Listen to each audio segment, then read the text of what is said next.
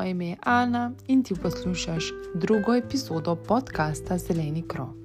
V tokratni epizodi sem gostila čudovito Vesno Ambrož. Kdo je Vesna, vam bo zaupala kar sama. Saj so se njene poklicne poti ter poklicnih dejavnosti, prostega časa in kreativnega ustvarjanja dotaknili v sami epizodi. V pogovoru smo govorili o osebni rasti v povezavi z našim zdravjem. Vesna v epizodi strokovno opredeli besedno zvezo osebna rast, navede nekaj tehnik in vse začini s krasnimi življenjskimi primeri. Ker ta uvod snemam ravno po zaključku snemanja epizode, ti moram zaupati, da je klepet zvestno na meni pustil velik nasmeh in polno srce ter motivacijo za nadaljni osebni razvoj, v katerem že kar nekaj časa zelo uživam. Ja, rastem. Osebna rast je dan danes omenjena praktično posod. A kaj pravzaprav pomeni in kako vpliva na naše zdravje, ter predvsem tudi medsebojne odnose, pa prisluhni v epizodi. Še preden zaključim z uvodnim delom, pa ti želim sporočiti še to. Zelo bom vesela kakršnega koli podporta, subscriba, ocene, kritike ali pa feedbacka na današnjo epizodo. Če ti bo epizoda všeč, pa jo lepo širaj na Facebook, Instagram ali pa Twitter med svojo družino, prijatelje in znance, ter pripomori k temu, da bo za to epizodo oziroma za ta podcast slišalo še več ljudi morda prav tisti ljudje, katerim bi ta epizoda kakorkoli doprinesla k boljšemu počutju in pa zdravju. In ja, moja trema je počasi izvenela, mikrofon pa obvezno popravim do naslednjič. Uživaj v poslušanju. Aha, vidim tukaj tudi odšteva, ok. Ja, okay. Živijo, živijo, vesna. Ja, zdravo, Ana. Kako si? Ja, ne, najprej naj ti rečem, da si zelo dobrodošla, hvala, ker si, si vzela ta čas. No. Um, res dobrodošla um, v podkast Zeleni krov. Um, Dej povej mi, no, kako si. Kako si? Ja, prvo najlepša hvala za povabilo. Sem full vesela, da si me povabila, pa seveda sem se z veseljem odzvala. Čeprav itak, a ne tako, kot ste že prej pogovarjali, izven tega etra sem malo nervozna, ampak se mi vseeno zdi, da je ta v bistvu moja anksioznost ali pa nervoza veliko manjša v primerjavi s tem, kar lahko mi dejansko tukaj naredimo, če bo kak eh, dragi poslušalec ali pa poslušalka vsaj nekaj od tega odnesel. Da, sicer sem pa full v redu, um, uh, malo žučki delajo, ampak ti pozitivni. Ti pozitivni so ta najbolj pomembni. Tako. Tako je. Um, ok, dej, um, dej mi povej, kje sem te zdaj ujela v tvojem življenju, kaj počneš. Mm -hmm. Ja, jaz sem zdaj v enem takem zelo zanimivem obdobju, ker imam kar dosti obveznosti. No? Tako da eh, zelo uh, lovim neko ravnoteže v svojem življenju. Uh, zdaj v bistvu jaz dopoldan tako ali tako uh, delam, delam na v bistvu šoli, tako da sem svetovalna delavka, popoldan pa podcastam, imam kako psihološko svetovanje in tako naprej. Tako da v bistvu uh, je kar naporno, no, napeto. Uh, zdaj v kratkem bom uh, v bistvu tudi pristopala k strokovnemu izpitu iz šolstva, uh, tako da sem kar no. Uh, polno je nekih obveznosti, sem kar polno zaposlena. Si zelo dejavna. Zelo dejavna ja. um, kaj pa si po poklicu? No, zdaj vem, da se um, poslušala sem en tvoj podcast. No? Um, če kdo je že bil uh, gost, Kaja, je bila Kaja, meni se je bila Kaja. Iz, brst psihologija. Aha, ja. um, Ker si vprašala, kaj je po poklicu, no? zdaj me zanima, kaj si ti po poklicu. No? Jaz upam, da ni to kaj tacka. No? Um, še zmeraj imamo neke strokovne teme, pa se mi zdi kar korektno, tak, da se pač, viš, pogovarjamo tudi o naši izobrazbi. No? Ja, itak, v vsakem primeru. Ja, jaz sem uh, magistrica psihologije, tako da v bistvu sem se šolala na fakulteti, uh, na filozofski fakulteti Univerze v Mariboru. Tako da to sem v osnovi. Zdaj sem pa zaposlena, tako kot sem omenila, kot šolska svetovalna delavka na eni izmed osnovnih šol na Koroškem. Wow. Wow. ja, lepo. Okay. Um, dej, če prideva na najno današnjo tematiko. Mhm. Um, osebno rast imamo um, danes um, in sicer osebno rast v povezavi z našim zdravjem. Mm. Uh, zdaj vem, da osebna rast je. Jaz sem v bistvu za njo prvič slišala nekaj štiri leta nazaj, ko sem začela osebno rast, bom tako rekla. No. Um, ne vem pa točno neke definicije, nekaj, kaj točno pomeni ta besedna zveza osebna rast. Pa mi ti mečkan več o tem povej. no. Ej, ful dobro vprašanje. ful dobro vprašanje, res, zato ker to je ena taka stvar, o kateri se v bistvu tudi strokovnjaki še malo lovijo, a ne, ker je tudi v bistvu osebnostna rast kot taka zelo kompleksen pojav po eni strani, po drugi strani pa relativno jasen. Tako da, te pa, če se zdaj tega lotiva, v bistvu v nekem najsplošnejšem pomenu besede, gre pri osebnostni rasti, kot že sama besedna zveza pove, za neko rast, za, neko, uh, za nek razvoj sebe, nas kot osebe, za en tak proces. Gre tudi za v bistvu poskus doseganja svojih potencialov, pa poskus približati se neki najboljši različici sebe, ki jo premoremo, ne? da nekako stremimo proti nekemu polnemu, izpolnjujočemu življenju. Tako da to v podrobnejšem smislu uh, se po bistvu osebnostna rast dotika. Uh, lahko bi rekli, recimo, tega, kako stopiti svoje cone udobja, kako preseči neka svoja omejitvena prepričanja, neke svoje strahove, ne recimo strah pred neuspehom ali pa celo strah pred uspehom, uh, potem kako se prilagajati spremembam v vsakdanjem življenju, uh, kako upravljati z nekimi izzivi, z nekimi stresi, uh, pa tudi kako si postavljati pa dosegati cilje. Mhm. Je zelo kompleksen pojem. Ja. Mhm. Mhm. Kako pa mi v bistvu vemo, um, oziroma ja, kako vemo, a je potrebno, a je nujno, da sploh osebno rastemo? A Mhm. veš, um, a je tako nekako to, a to nekako poteka spontano v našem življenju, ali poteka to tako nezavedno, a, a, Mhm.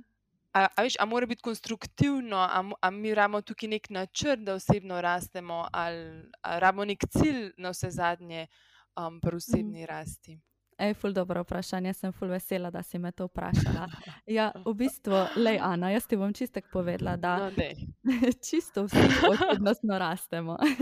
Ja, čisto vsi aha. skozi naše celotno življenje. In v bistvu tako na neki nezavedni ravni, kot tudi čisto zavestno, ne, ko se za to nekako aktivno odločimo, da bomo k temu pristopili, ne k delu Mhm. na sebi. Tako da v bistvu skozi vso življenje um, nas v to potiskajo že čisto ene take vsakdanje situacije. Ne recimo, da rešujemo kakšne izzive v službi, ko se kakšne težave pojavijo, ali pa recimo, ko vzgajamo otroka, ali pa ko sploh sprva postanemo mama, ne, ali pa ko se srečujemo z kakimi moralnimi dilemami, kakimi etičnimi vprašanji. Uh, skozi tako prijetne, kot tudi neprijetne življenjske izkušnje, ne, zato ker nas te izkušnje tudi preizkušajo um, in pri tem tudi spoznavamo, v bistvu, kdo sploh smo, um, in v bistvu nekako rešujemo te izzive sproti. Tako da tudi, če se ne bi recimo odločili zavestno, zdaj bom pa jaz osebnostno rasla, uh, a ne pa imela neke aktivnosti, ki me bojo k, k tem pelali, a ne recimo čisto ene take, taki primeri so pisanje dnevnika ali pa nekako beleženje ne teh svojih misli, kakorkoli. Uh, v vsakem primeru bomo osebnostno rasli. Zaradi tega, ker že čisto ne take vsakdanje stvari, kakor sem rekla, nas v to potisnejo. Um, tako da to, mogoče neki znaki, a ne zdaj, da potrebujemo mi pa neko tako aktivno osebnostno rast. So pa recimo to, ko mi pri sebi nekako občutimo, da bi radi nekaj več od življenja, ko nismo zadovoljni sami sabo. Ali pa recimo tudi, ko pri sebi prepoznamo neka omejitvena prepričanja, pa neke strahove, ali pa tudi nek tak alarm je, da stagniramo nekako v življenju, ko pri nas življenje teče, teče čisto nekako na avtopilotu, ne ko je Mhm, vsak dan mhm. isti, ko zapademo v neke rutine, ne, ko nimamo več tiste iskrice v očeh, da bi v bistvu sploh z enim takim entuziazmom stali iz postelje zjutraj. Mhm, Um, mhm. recimo tudi v primerih, če nekako se nam zdi, da je vedno problem v vseh okoli nas ali pa vsem, samo v nas ne, a ne, ko nekako prevzamemo tisto vlogo žrtve. Um, pa v bistvu so veliko ne, različnih alarmov, je v bistvu, uh, zaradi tega, ker vsak od nas je drugačen, vsak od nas ima kako mesto izboljšave pri sebi, tako da je potem tudi odvisno od tega, na kakšen način, pa na katerem področju bomo mi tudi pristopili k osebnostni rasti.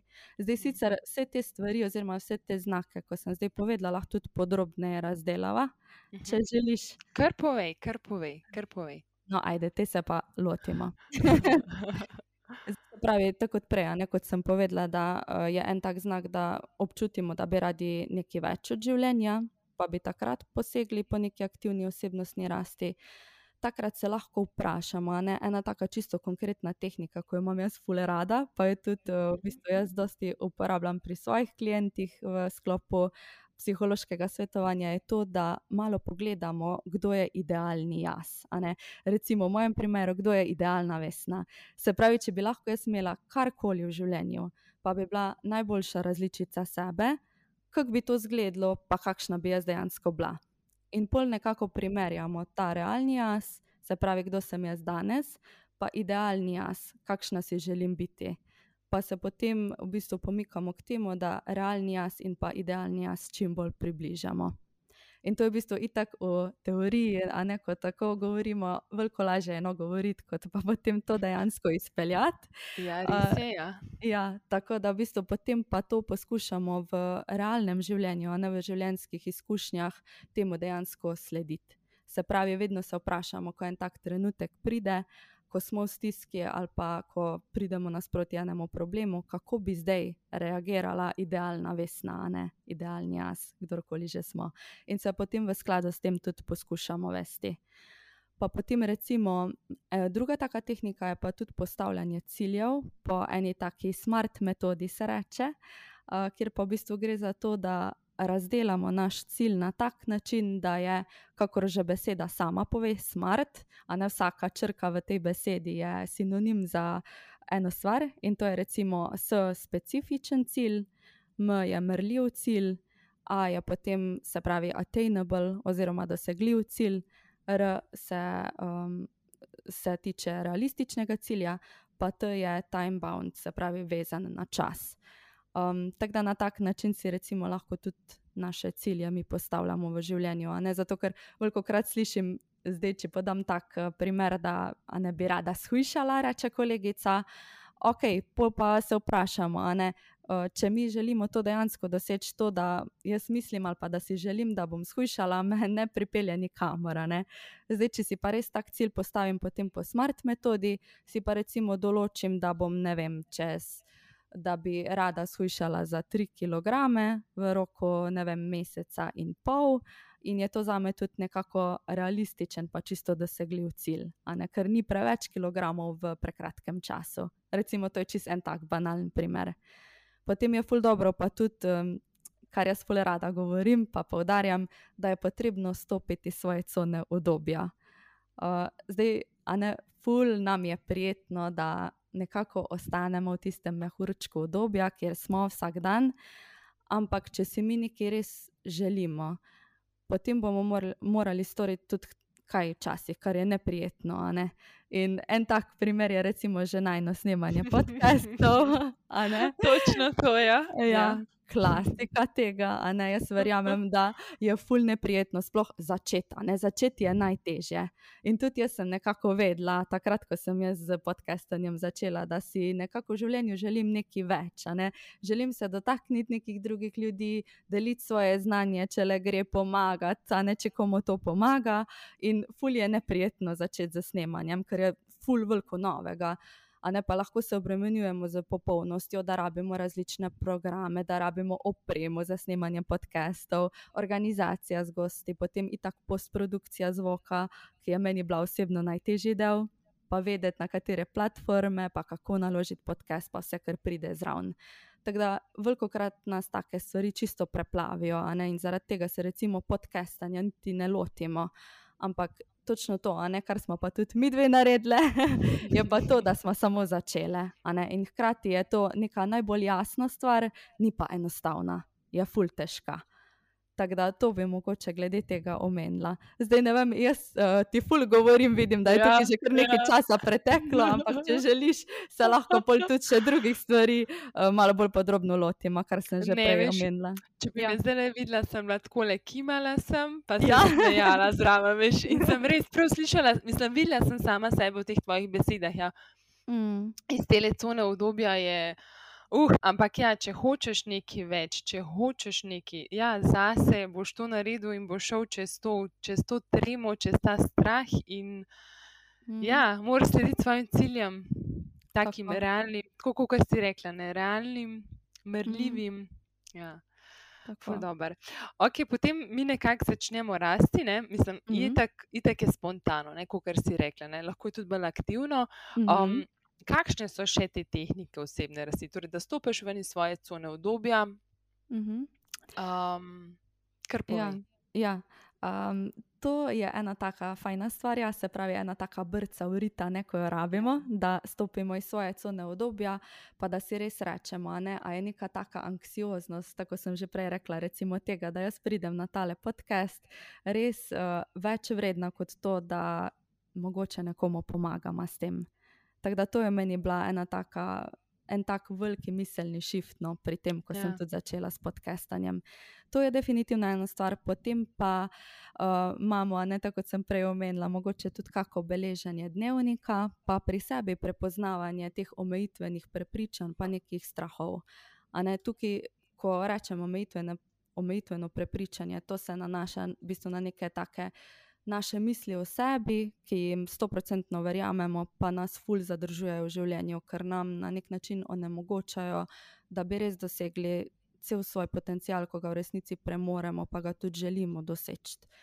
Tako da zelo dobro je, da taka prepričanja pri sebi prepoznamo. Uh, in to lahko naredimo na tak način, da pomislimo, kakšne cilje imamo, kaj si želimo od življenja doseči, kaj si želimo v življenju doseči, in pa na to, kakšne ovire imamo, da teh ciljev ne moremo doseči. Kaj nas omejuje pri tem, da ne moremo narediti nekega koraka naprej, pa zares zaživeti življenje svojih sanj.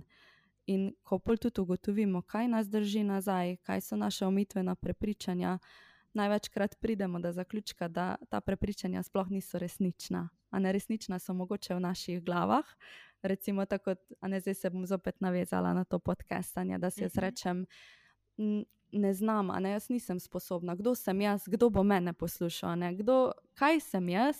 Da bo ena draga poslušalka iz vem, Ljubljane, iz okolice Ljubljane, me poslušala. Ampak imam jaz kaj takega, imam kakšno vrednost, da bom jaz doprinesla k njenemu življenju, da bo njen čas vreden, ne tega, da me tudi ona posluša. To so vse ene take misli, ki jih, oma, ki jih imamo v sebi, uh, oziroma je to pač primer ene take misli, ampak nimajo prave podlage. V bistvu to ni resnica. Zakaj? Zaradi tega, ker uh, si potem lahko vedno postavljamo tudi vprašanje, ali je to dejansko res, ali si pa samo sami postavljamo to omejitev. Potem, a mogoče obstaja kak posameznik, ki je to že naredil, a ne vemo, da, ja, da je full ja. podcastov ja. in na slovenski sceni, in pač po vsem svetu. Se pravi, zakaj potem ne bi mogla jaz? Ali je v resnici to mogoče, če se dovolj potrudim, pa če sem se tudi pripravljena učiti, pa past, ne pa tudi failat, pa se spet pobrati, pa znova učiti. Tako da to, to mogoče. Lepo ja. ja, točno mm -hmm. tako.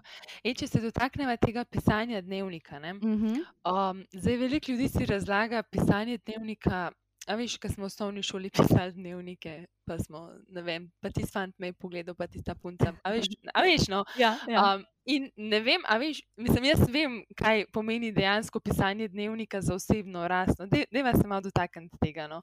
Uh, kaj se zapisuje v ta dnevnik? No? Ja, a veš, kaj bom. Ja, povej. Kar povej. Kar, ne, tako, mislim, čemu, čemu služi dejansko to pisanje mhm. dnevnika? No? Ja. Zdaj, pisanje dnevnika je lahko ena zelo terapevtska stvar, zaradi tega, ker če nimamo recimo nekoga, kateremu bi lahko izlili vsa svoja občutja, vse svoje misli, čustva preko pogovora, je dnevnik en tak super vir, preko katerega lahko to naredimo. In jaz vedno rečem, da pišite dnevnik na tak način, tako kot vam paše. To ne pomeni, ne, da če rečemo, da ja, bom pa začela danes pisati dnevnik, da to pomeni, da moramo od zdaj naprej vsak dan pisati, pa napisati pet strani. Ne, sploh ne. A ne pisanje dnevnika je v bistvu ena taka stvar, ki si jo lahko čisto prilagajamo na tak način, kot nam paše. Takrat, kadar potrebujemo v bistvu nekaj dati iz sebe ali kakorkoli. In to pomeni, da lahko recimo pišemo, ne vem, enkrat na dva tedna, pa zapišemo dva stavka, magari, ali pa celo meni se je zadnjič zgodilo, da sem napisala samo eno besedo, ko me je pač cel dan nekako šla po glavi, recimo hrabrost. Uh, zato, ker sem čutila, da jo nekako rabim in da jo želim videti, pa imeti v svojem dnevniku. In pol je tudi ful zanimivo, ko beremo za nazaj, ko vidimo, v bistvu, kakšne korake smo tudi naredili v svojem življenju, kako se je naša miselnost skozi mesece ali pa tedne ali pa leta kakorkoli spremenjala. Um, tako da, ja, dnevnik v bistvu je en tak zelo um, poceni terapeut. Ja. Če bi tako rekla, in v bistvu koristi zelo. No? Uh, Meni se zdi, da tudi uh, zdaj uh, bom tako povedala, no, da sem tudi dala veliko mojim klientom, če ne vsem, uh, se mi zdi, za pisati dnevnik, ker se mi zdi, da je res ena taka stvar, da če nas kaj teži, ne če nam kaj leži na duši, da to damo iz sebe. Pa ful dobro je, da recimo pri tistih posameznikih, ko so fejst anksiozni. Predvsem pred spanjem, ne, ko nam nekaj misli švigajo po glavi, ko si mislimo, joj, kaj vse imam jutri za nared, pa um, ne imamo take skrbi in zaradi tega ne moremo zaspati, da stanemo pa v bistvu napišemo vse te skrbi v dnevnik, ker na ta način bomo tudi to dali iz sebe, ne, da ne bo skozi nekako uh, ruminiralo v nas in da zaradi tega ne, ne moremo zaspati. Tako da to je v bistvu pri meni, recimo, je bila tudi to ena taktika, ki mi je ful pomagala. Ja. Ja. Mhm. In potem prideš do take lepe samorefleksije. Um, ja, uvidiš v svoje misli, noter, ker zapisuješ v bistvu te svoje misli in občutke. In meni men osebno potem problem, ne vem, ali je to tako, no, ampak izveni, no, da bi izvenil, da ga predelam in grem naprej. Um, ja. Čeprav, ja, ja. Ja, ampak tu nekako zapisujem tudi dnevnik, takrat, ko se nimam s kom za pogovarjati, ampak hvala mhm. um, vsemu, tako, no, da imam um, sestro, da imam prijateljico, ki imamo res tako odkrite pogovore in je to res ena tako ogromna terapija, ne, to skomunicirati vse ven, vse te tesnobne, anksiozne občutke. Ne. Ja, tako. Mislim, to je res ja. najpomembnejša, neka taka komunikacija. Ne? In če so misli nekako pretemne, pretežke, da bi to nekako delili z drugimi, lahko tudi uh, zaradi tega ravno posežemo po dnevniku, pa pol nekaj takega napišemo. Pa tudi, recimo, to bi še dodala, da če nekdo, ki zdaj to posluša, je v svojem življenju eno večjo travmo doživel kakršna koli je pač že to bila, recimo, vem, nasilje, ločitev staršev, uh, tudi kakšne, ne vem, duševne motnje, recimo kot so motnje hranjenja, ne kot tudi postijo v bistvu en tak prav traumatičen pečat. Je ful dobro, da te svoje izkušnje zapišemo v dnevnik in to večkrat ponovimo. Se pravi, eno in isto zgodbo večkrat zapišemo, zaradi tega, ker se potem tudi ta čustveni naboj te zgodbe, pa travme izniči. Tako da, uh -huh. še ena uh -huh. pomembna stvar. Ja.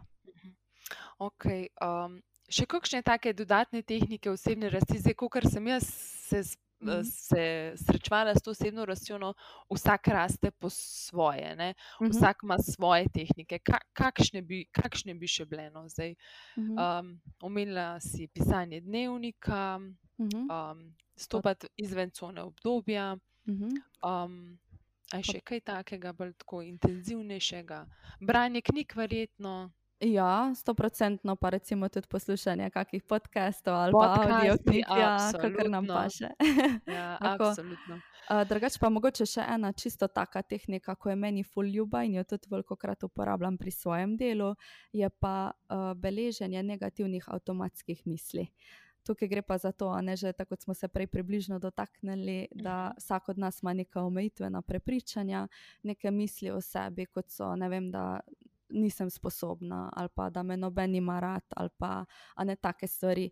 In v bistvu potem te negativne misli pri sebi prepoznamo, na drugi strani pa si lahko zapišemo, pa to lahko kar v dnevnik delamo, pa si zapišemo na drugi strani proti dokaze za to misel. A ne vedno moramo iskati neke argumente, ki so proti tej misli.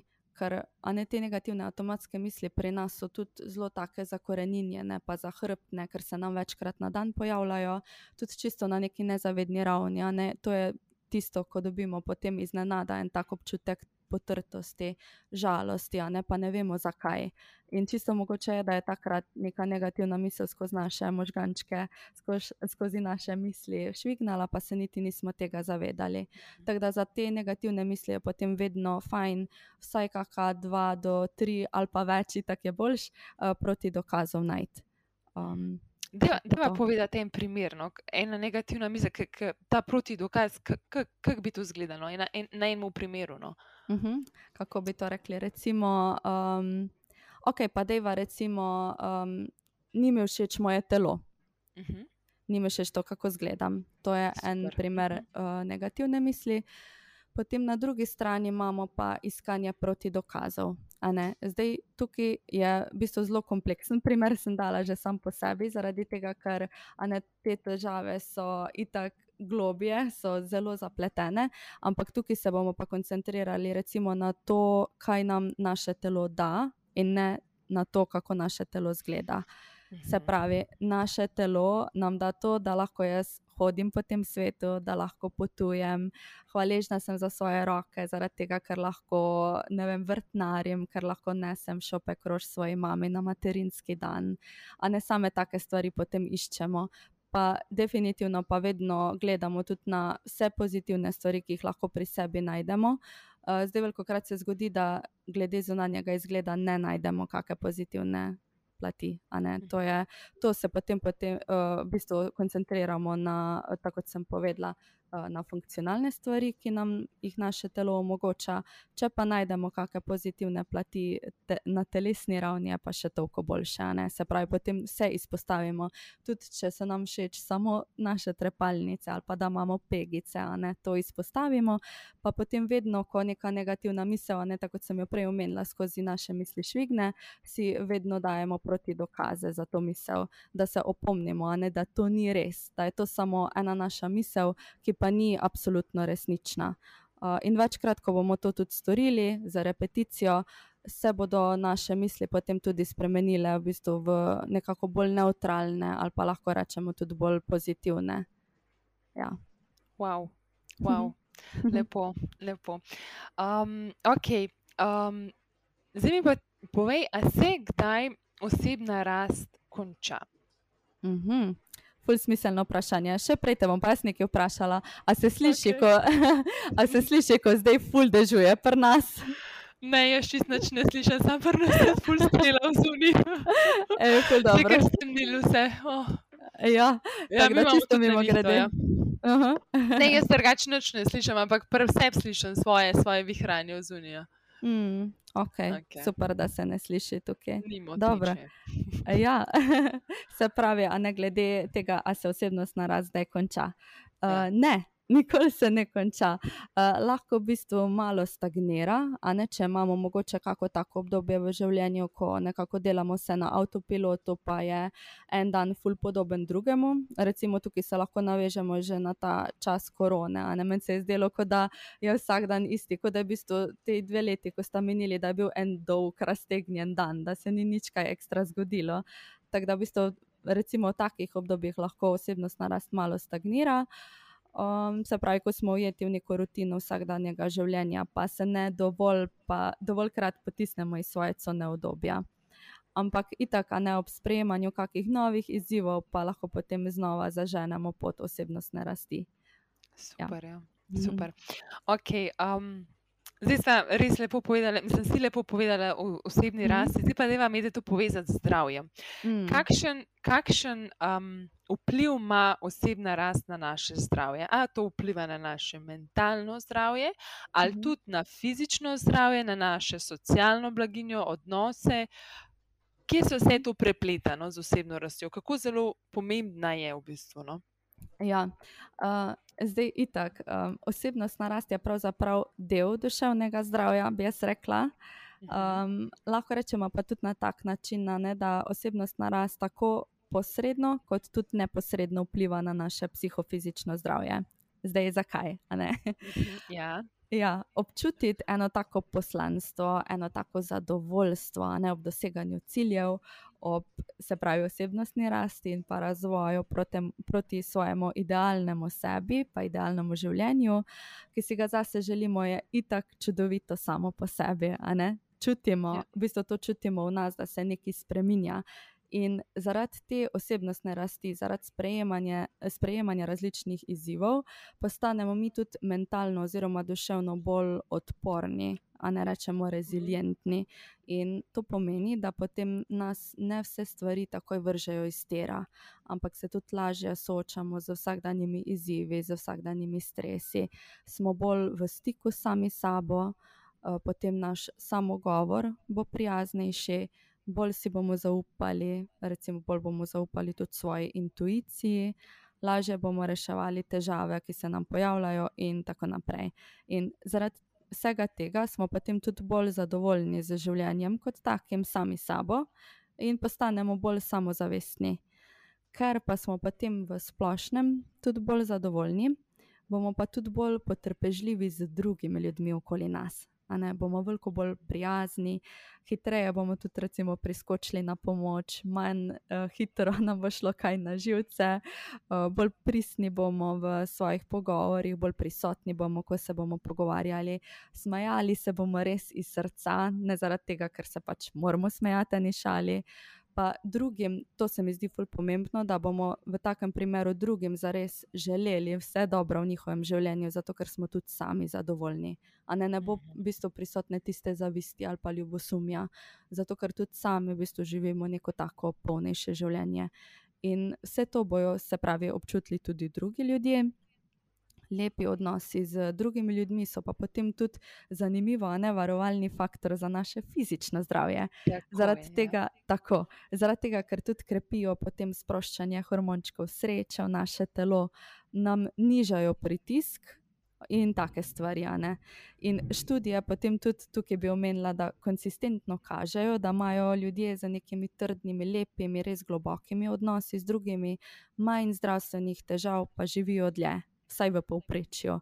In prav tako zaradi tega, ne, ker se glede sebe počutimo vedno bolje, bolj samozavestno, smo na neki duševni ravni, potem tudi izbiramo zase dobre odločitve, kar se tiče našega, duše, našega fizičnega zdravja. Uh, tako da tukaj je v bistvu ta, ta preplet, se vidi. Uh, nekega neposrednega vpliva osebnostne rasti in posrednega.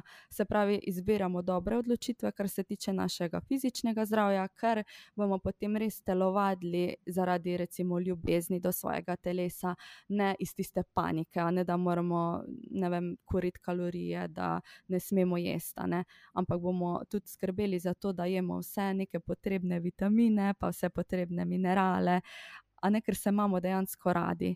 In vse ta krok, oziroma en ta cikl, ki sem ga zdaj razložila, postane potem tudi pozitivna povratna zanka.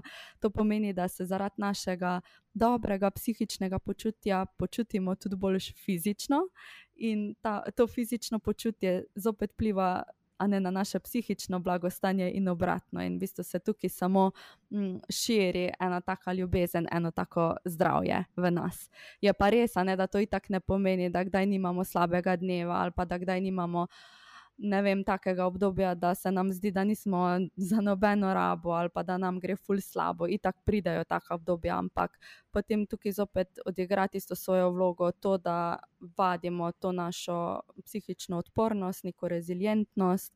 Um, in da se zaradi tega tudi lažje poberemo, ko pride tako obdobje. Krasno. Krasno. Vse se prepleta med sabo, ja. tako fizično, tako duševno in tako tudi naši odnosi. Mhm. Krasno. Mhm. Ok, in prehajamo um, proti koncu. Uh mhm. -huh. um, najnega pogovora. Um, dej, a nam bi zaupala uh, za na koncu mogoče kakšno dodatno literaturo, mogoče za še bolj poglobljeno znanje o osebni rasti? Mm, spet ful dobro vprašanje. Te bom pa mogoče tukaj čist malenkost razočarala. Jaz sem ful nehala brati knjige. Žal, ker ful nimam toliko časa za to. Je pa res, da osebnostna rast je res tako široko področje, ne, kot smo ugotovili. Pa bi lahko zaradi tega praktično priporočala skoraj kjerkoli knjigo, ki pač naslavlja premagovanje strahov, omejitvenih prepričanj, ne to, da stopiš iz svoje cone odobja. Tako da meni, recimo, če se zdaj spomnim, pa malo sprehodim nazaj v mislih. Meni je bila ful všeč knjiga 12 pravil za življenje uh, od avtorja Jordan B. Petersona. Si že slišala za njega? Ne slišala, ja. Ja, Ej, pa pazi to, jaz grem na njegovo predavanje 12. junija, ja, ko bo v Ljubljani, tako da sem full vesela, ker jaz ja. sem čisto obsedena z njima, ne kanadski Aha. psiholog, ki meni se zdi, da res uh, on je full pripomogel pri moji osebnostni rasti, uh mhm. -huh. čisto tako mimo mhm. grede. Tako da ta knjiga je res bila ena taka zelo odmevna v mojem življenju drugače pa tudi od avtorice uh, Rachel Hollis, uh, Girl, Girl Wash Your Face je naslov. Ampak to sem že kar nekaj časa nazaj brala, ampak se spomnim, da takrat, ko sem jo brala, mi je bila full, full top, res. Ti je velik uh, dala. Mhm. Ja, full velik mi je dala. Me pa zdaj ena knjiga še čaka in krvavi, da jo preberem. Upam, da jo bom kmalo, ko bom imela kaj več časa. To je pa od avtorice Lise Bilju, uh, je pa naslov Radical Confidence, mislim, da. Aha. Ne vem, če si že slišala za Liso. Uh, ona je tudi ena taka podcasterka. Uh, tako da zdaj se bom pa kar tukaj navezala. Ne? Trenutno bolj poslušam podcaste, ker je to tudi ena taka super stvar, ne? da izkoristim. V bistvu, recimo, vožnjo v službo, z, da to združim z podcasti, ali pa recimo, ko se urejam za službe ali, službo ali kakorkoli. Uh, Uh, tako da od slovenskih podcastov mi je zdaj full top, uh, oziroma že nekaj časa, uh, lovim ravnoteže od Nina Gaspari, tam je res full zakon, res vsaka čas Nini. Uh, Pol je tudi eh, en, ko sem ga pred kratkim našla, pa ne vem, kako moram sploh naglasiti, ampak se mu reče kuna pipi. Zdaj ne vem, sem prav povedala, kuna pipi. Ja, še slišala. Ja. ja, je tudi slovenski podcast, pa je Aha. tudi tako v fizičnem, v psihičnem zdravju, tako da full, ena fajna stvar. Aha. Potem pa tudi na svoji strani z Aidoro Tarurankar, tam je full všeč, uh, pa Aideja podcast itak. Aha. Ja. Um, pol, zdaj od angliških, um, taki za osebnost narast, so mogoče pa kak uh, Modern Wisdom, pa Impact Theory, ful rada poslušam. Sicer sem tudi kakšne druge preposlušala, ampak zdaj sem šla ful na slovenske, uh, ful mi sede, ne vem zakaj, ker na začetku sploh nisem mogla slovenskih poslušati. Zdaj se mi pa zdi, da vedno rajše, pa tudi uh, nekaj dobiš od besednjaka, ful čudno. No, to sem čisto mimo grede ugotovila, da je ful dobro poslušati, ker dobiš ena taka res. Uh, ne vem, bolj postaneš artikuliran, pa dobiš večji razpon tega besednega zaklada. Ker se mi zdi, da smo zdaj že vsi čisto v teh angliških vodah, angliških člankih, angliških podcastih, oziroma vsaj jaz sem in sem potem začela malo zgubljati uh, to, ne vem. Ta občutek za slovenski jezik, tako da zdaj sem nazaj v tem malo. to je v kratkem tono. Aha, ja, si, jaz sem pa tudi, ne, jaz sem pa te podcaste na svoji porodniški s puncama tole Nino, Nino Gaspari, to sem preposlušala na vsakem sprehodu. Ja. In res, toliko velik mi je dala, res, toliko velik. Nori mm. podcasti. Tako da, če kdo še tega res. ni poslušal, iskreno priporočamo. Res, mm. tole je res noro. No. Um, ja. Um, ok, um, bi poslušalcem sporočila še kaj na temo osebne rasti, še kakšen dodaten svet. Mm. Uh, veš, kaj bom zdaj? Malo bom še so te svoje vode zajadrala. Zato, ker posluši zdaj to Ana. Ena taka miselna naravnanost, po kateri sem se jaz pred kratkim začela ravnati, pa se mi zdi, da ful pomaga. Tudi zato, da sem zdaj malo živčko izgubila, tudi za tvoj podcast. Aha, aha. Um, je memento mori. In to je v bistvu latinski izraz za zavedaj se svoje smrti, oziroma zavedaj se svoje minljivosti. Ne, da Aha. lahko nekako vsak trenutek zapustimo to naše življenje, pa ne to zdaj mislim na tak ful depresiven način, ampak na ta način, da nam to dejansko, ko se na to spomnimo. Lahko pokaže, kaj je v življenju zares pomembno, pa kaj so mogoče ene take nepomembne ali pa sladke skrbi, neki nepomembni strahovi. Ne? Da tukaj se na to navezujem, da naj nam da to časih, a ne ko se spomnimo na zavedanje naše lastne smrti ali pa menljivosti, naj nam da to en tak pogum, eno tako neustrašnost, ne, da nekako to postavi v perspektivo, čisto vse, kar počnemo. Pa na tak način se potem tudi naše prioritete na nek način izkristalizirajo, um, pa naj to determinira to, kaj rečemo, kako se vedemo, pa kako mislimo. Ne, ker to je res taka stvar, da če se zavedamo tega, da lahko vsak trenutek umremo, takrat res nekako stopamo v odnose čist drugače, ne čist bolj ljubeče, bolj skrbno, pristno. Um, naše bližnje mogoče ne jemljemo več tako samoumevno, ne, ker seveda se tudi to zgodi, ampak zaradi tega, ker se zavedamo, da ne bodo ostali z nami zavedno pa potem tudi mogoče lažje sprejmemo kakšne pomembne odločitve v našem življenju, pa tudi nepomembne. Um, in to, ne za me, taki trenutki, ko se spomnim te svoje lastne menljivosti, potem v perspektivo dajo vse neke nepomembne strahe, to mojo anksioznost, ne, je, ki je zelo veliko krat prisotna tudi pri meni. um, pa tako, no, da bolj posegam, pa sem bolj neustrašna pri tem, da res nekako drvim proti svojim ciljem, pa živim življenje, ki si ga res želim živeti. Tako da mogoče lepo. to. Mm, zelo lepo, zelo lepo, veste. Okay. Uh, hvala. Um, mi smo prišli do konca najnega mm. pogovora. Um, ful je bilo dober, ful je bilo dober, res krasen pogovor. Ja, meni je bilo lepo s tabo klepetati. Ja, ja, ja prav resno. Um, ok, no. Um, Prav, pa pa hvala, Vesna. Um, mhm. res ja. še enkrat hvala, pa lepo bodi, prav? Ja, enako, Ana, stokrat hvala za to povabilo. Jaz upam, da kdorkoli že to posluša, da bo vsaj nekaj malega odnesel od tega, uh, pa da smo kaj dobrega danes naredili s tem dialogom. Ja. Tako da res iz srca tudi tebi hvala, Ana. V veselje, v veselje, res. Hvala. Se slišimo. Se slišimo.